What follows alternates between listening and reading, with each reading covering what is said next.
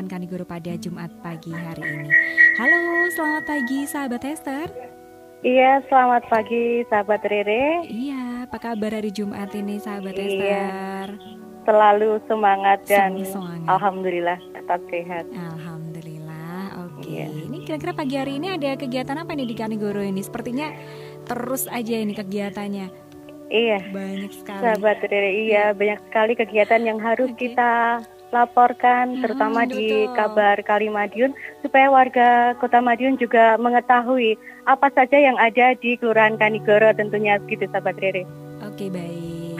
Iya. Ini untuk pagi hari ini apa ini kegiatan Iya. sahabat Esther? Ya, sahabat Rere, eh, perlu saya laporkan di sini bahwa saat ini saya sedang berada di pelatihan pembuatan susu kurma oleh Ibu PKK RW 4 Kelurahan Kanigoro, yaitu di mana menurut penelitian susu kurma itu bisa memberikan nutrisi yang lengkap sehingga mampu menjaga imun tubuh, terutama di masa pandemi corona.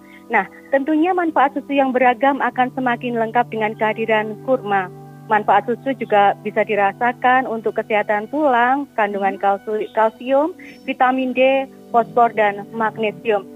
Nah, eh, sahabat Rere, saat ini saya juga bersama dengan Ibu Ketua Tim Penggerak PKK Kelurahan Kanigoro, yaitu Ibu Rifka Rina Sumiran, Ibu Ketua PKK RW 4 Kelurahan Kanigoro, Ibu Sukadi Kuku, dan bersama dengan Mbak Dian, sang pembuat susu kurma.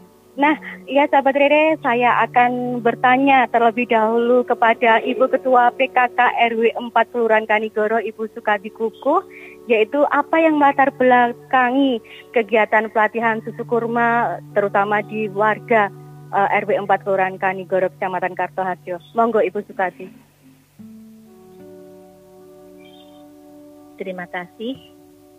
Yang pertama yang melatar, melatar belakangi pembuatan susu kurma itu adalah yang pertama karena susu kurma banyak manfaatnya dan yang si pembuat ini nanti yang bisa menjelaskan yang paling detail. Tetapi kalau saya sebagai ibu ketua RW, saya tetap menggali kemampuan-kemampuan apa aja yang ada di lingkungan saya tetap kami tonjolkan. Karena apa? Karena untuk yang pertama untuk meningkatkan imun sudah disebutkan tadi oleh Mbak Esther sudah lengkap. Maka dari itu dengan pandemik seperti ini sangat bagus sekali untuk mengonsumsi susu kurma. Maka dari itu saya sebagai ibu ketua RW sangat senang sekali karena warga saya sudah punya keterampilan membuat susu kurma dan sudah dipasarkan. Alhamdulillah Alhamdulillahirabbil alamin bahwa warga ternyata kalau digali itu banyak potensi yang ada. Banyak sekali. Di sini itu sangat banyak potensi yang ada. Seandainya penjenengan rawuh sini, wah senang loh bisa merasakan susu kurmanya Iya. dan lain-lainnya. Kiranya itu yang kami sampaikan nanti bisa disambung lagi dengan si pembuat yang secara detail nanti akan menyampaikan kronologi mengapa toh kok membuat susu kurma. Tapi yang penting manfaatnya tadi sudah disebutkan oleh Mbak Esther, jadi tidak perlu kami sebutkan lagi. Terima kasih. Oke, baik. Terima kasih. Iya, sahabat Rere, demikian tadi dari Ibu Ketua Tim Penggerak PKK RW 4 Ibu Sukadi Kukuh. Dan saat ini perlu saya sampaikan juga sahabat Rere bahwa ibu-ibu masih berlatih untuk pembuatan susu kurma di belakang dan ini juga ada rekan-rekan dari Madiun Today juga yang ikut bersama di hari Jumat yang tentunya istimewa ini. Hmm. Ya, begitu sahabat Rere. Oke, baik. Ini menarik sekali ya untuk susu kurma.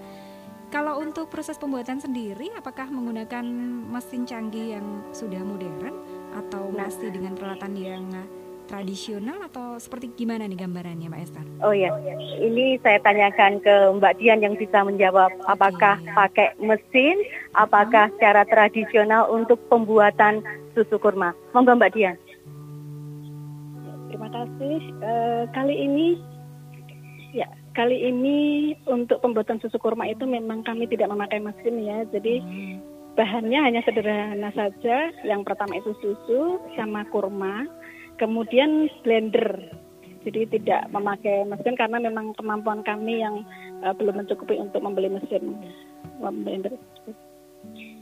Mungkin bisa kami jelaskan bahwa kami memang tidak sekaligus bisa membuat susu kurma seperti ini.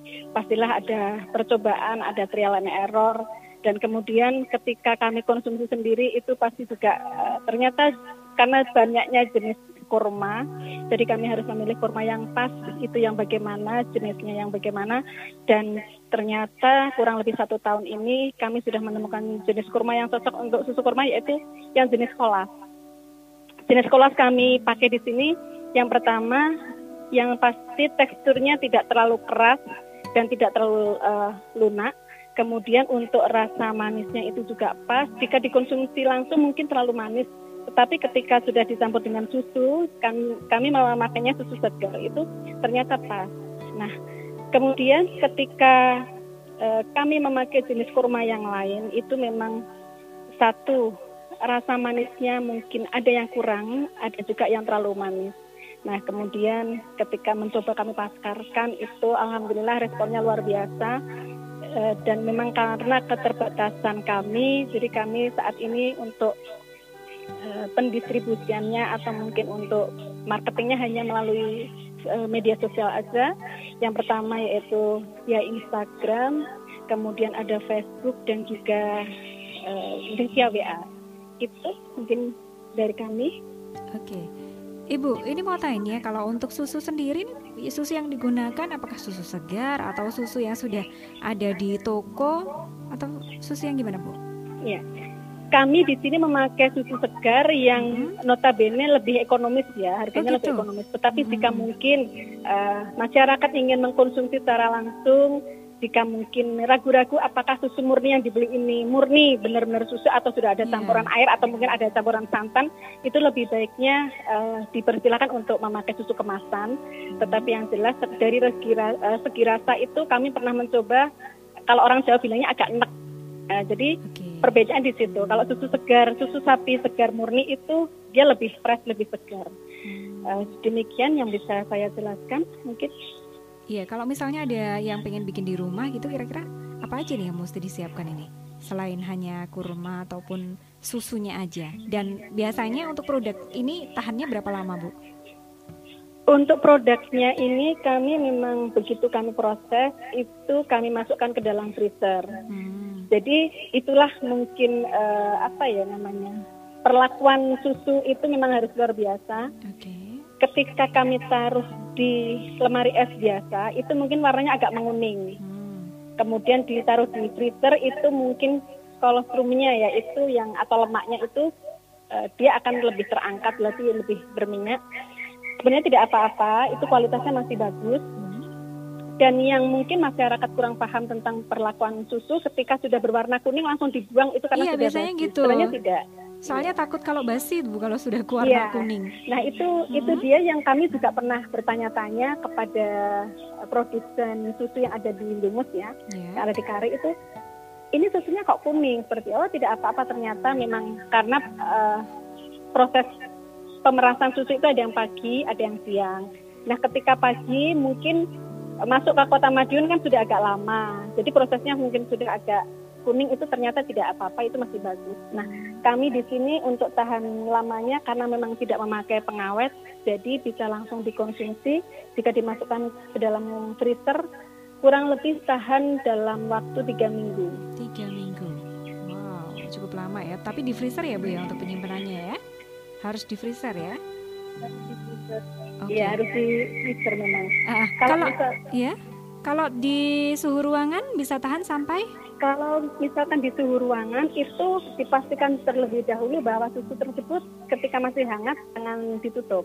Hmm. Jadi ketika diproses kan di blender itu yeah. susunya dalam keadaan suhu ruangan kemudian bisa dikonsumsi ketika blendernya pagi sampai dengan siang itu sudah uh, sampai sore lah itu bisa dikonsumsi.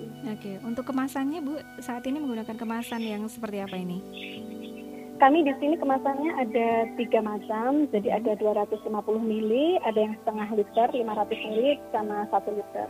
Oke. Dan otomatis kalau memang uh, mungkin dalam keluarga besar itu lebih baiknya bisa beli Ya, langsung yang ya. satu liter jadi lebih ekonomis karena masih ada potongan harga di sana. Per liternya berapa Bu? Kalau satu liternya kami jual 35.000. 35.000 Sedangkan saja yang ya? untuk 250 mili itu Mhm. eh, 10.000 satu Oke. botolnya. Iya, ya cukup terjangkau nih ya sahabat suara Madiun ya 35.000 sudah mendapatkan 1 liter susu kurma. Nah, untuk pembuatan eh, susu kurma ini tentunya membutuhkan bahan baku. Nah, biasanya bahan Iya. bakunya ini didapat dari mana? Um, Iya. Oh bahan bakunya Ah, ah. kami sudah ada ibaratnya uh, langganan Oh ya. gitu. Jadi sudah ada produsennya gitu ya. Ya, Oke. untuk susu segarnya Mhm. kami ada yang membeli langsung ketika mungkin pesanan tidak terlalu banyak, kami membelinya uh, cukup di warga kami Goro sendiri ada yang menjual susu segarnya. Kemudian kalau memang butuh pros uh, yang banyak dalam pesanan banyak itu kami langsung ke Jumus ke Kari. Oh gitu ke daerah Ya. timur sana. Kalau misalkan untuk kurmanya mau nggak aja, misalkan uh, warga Madiun ingin mengkonsumsi, silahkan membeli yang jenis sekolah itu di toko-toko yang menjual kurma pasti ada. Oke. Kalau boleh tahu ini untuk takarannya seperti apa? Misalnya mau bikin 200 ml, 200 ml itu kan satu gelas ya. Itu Iya. untuk susunya satu gelas, terus kurmanya berapa? Terus apakah ada campuran-campuran lain yang digunakan? Iya. Untuk susunya misalkan katakanlah satu gelas yang ukuran 300 mili atau 250 mili itu ya. Ya. Itu kurmanya suka-suka. Jadi misalkan ingin pas, kami biasanya kurang lebih tiga kurma yang agak besar. Oke. atau mungkin misalkan ingin sedikit manis itu lima kurma. Oh gitu. Jadi satu Ya, jadi ya. kami memang sengaja dalam jumlah ganjil ya, karena kan Rasulullah memang sunnahnya itu kalau kita mengkonsumsi kurma itu dia kalau dalam jumlah ganjil itu akan menjadi obat bagi Oke, kita. biasa. Karena memang kurma kan mineralnya banyak, vitaminnya semuanya uh, lengkap ada di sana. Iya.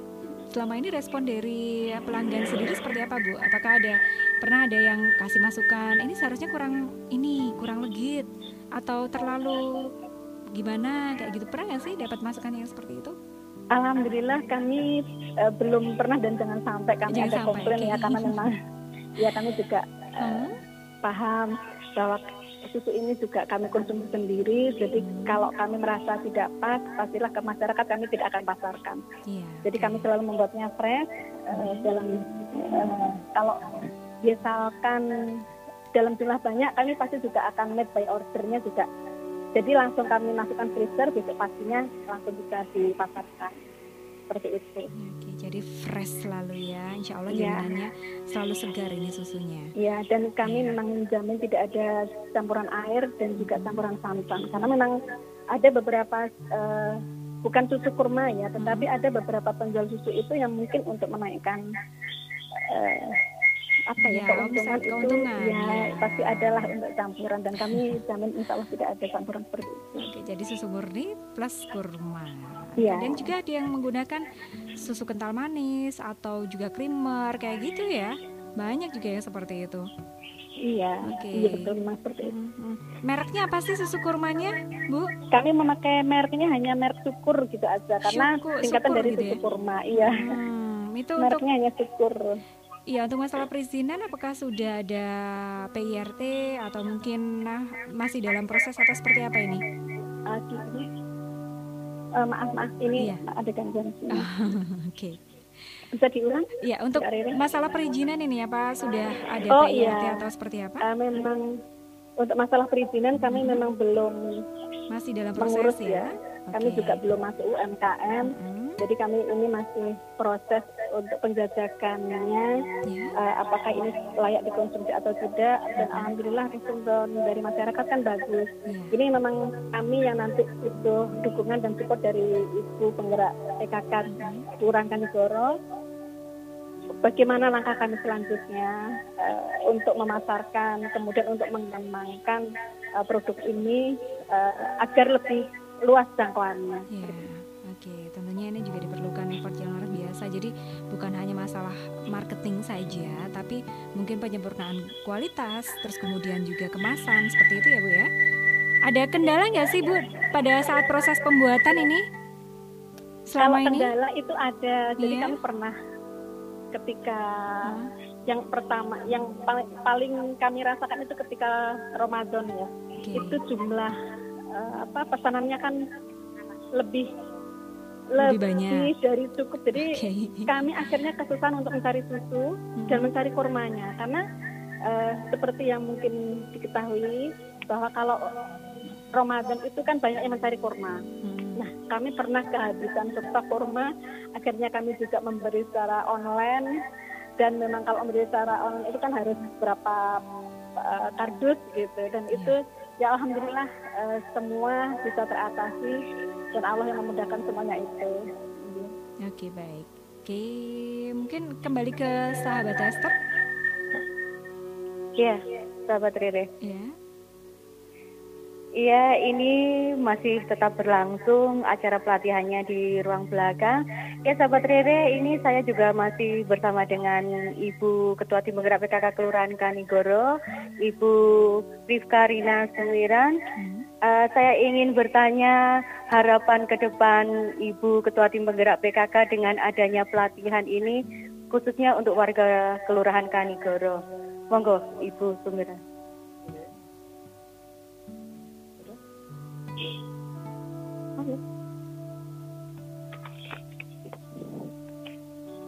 Halo, selamat pagi. Iya. Selamat pagi Mbak Rere. Selamat pagi Bu.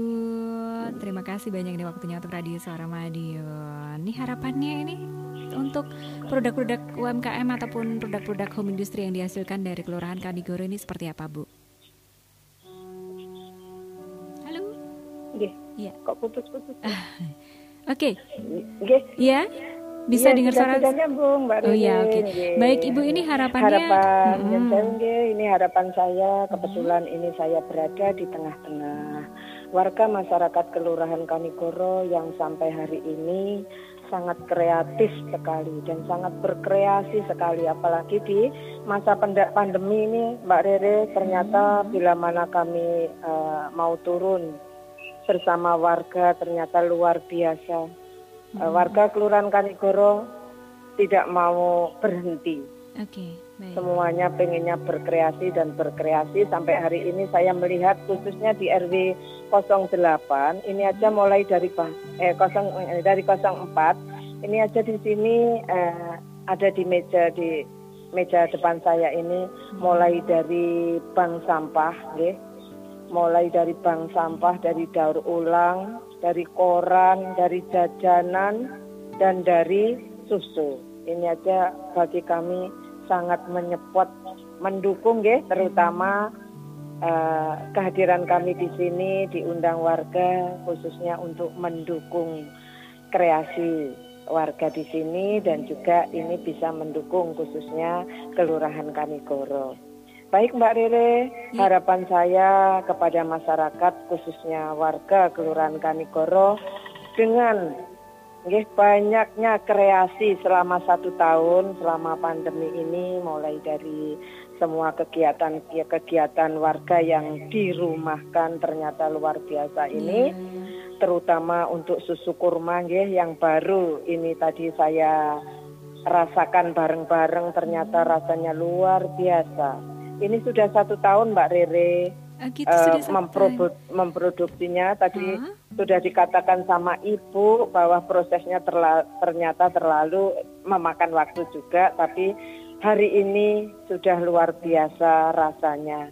Mudah-mudahan dengan harapan kami di sini, apa yang dilaksanakan, uh, kegiatan apa yang dilaksanakan oleh warga ini, harapan saya bisa go Nggih, go yeah. di Indonesia dan juga go internasional Amin. karena ini kalau merasakan susu kurma di sini imunnya sangat luar biasa hmm. gitu.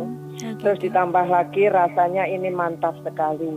Mudah-mudahan uh, dengan kehadiran kami di sini saya berharap sama warga semuanya bisa uh, ke depannya tambah lancar, Amin. tambah dikenal masyarakat hasil apa hasil jerih payah yang selama ini butuh proses. Ini harapan kami mulai hari ini mudah-mudahan uh, dengan diliput Mbak Rere susu kurma bisa go. ini Mbak Rere Iya, khususnya juga kepada yang lain yang berkreatif mulai dari jajanan, mulai dari jamu, mulai dari keterampilan. Mudah-mudahan ini selalu semangat ibu-ibunya dan selalu berkreasi, tetap kreasi, bisa menunjukkan yang terbaik untuk warga Kelurahan Kanigoro uh, bersaing dengan kelurahan-kelurahan yang lain.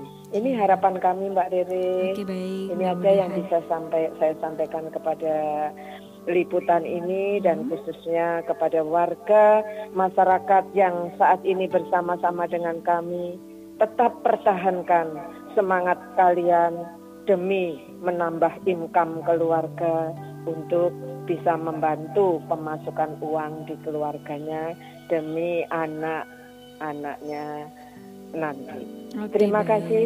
Ya, terima Eh, kasih. Dari kami, Ketua Tim Penggerak PKK Kelurahan Kanigoro. Selamat pagi. Selamat pagi, terima kasih Bu. Iya, demikian sahabat Rere yang bisa saya reportasekan pada saat ini di pelatihan pembuatan susu kurma RW 4 Kelurahan Kanigoro, Kecamatan Kartoharjo, Kota Madiun. Terima kasih sahabat Rere. Iya, terima kasih banyak sahabat Esther untuk informasinya. Terima kasih. Baik. Oke, terima kasih banyak untuk sahabat Esther informasi yang dihadirkan di program Kali Madiun, kabar lingkungan Kota Madiun hari ini. Semoga menjadi harapan dari warga Kelurahan Kanigoro bisa terwujud ya. Susu kurma. Wah, kayaknya enak ini. Baik sahabat, tetap semangat di 93 FM LPPL Radio Suara Madiun. Kita ikuti kembali acara selanjutnya. Kali Madiun dipersembahkan oleh 93 FM LPPL Radio Suara Madiun.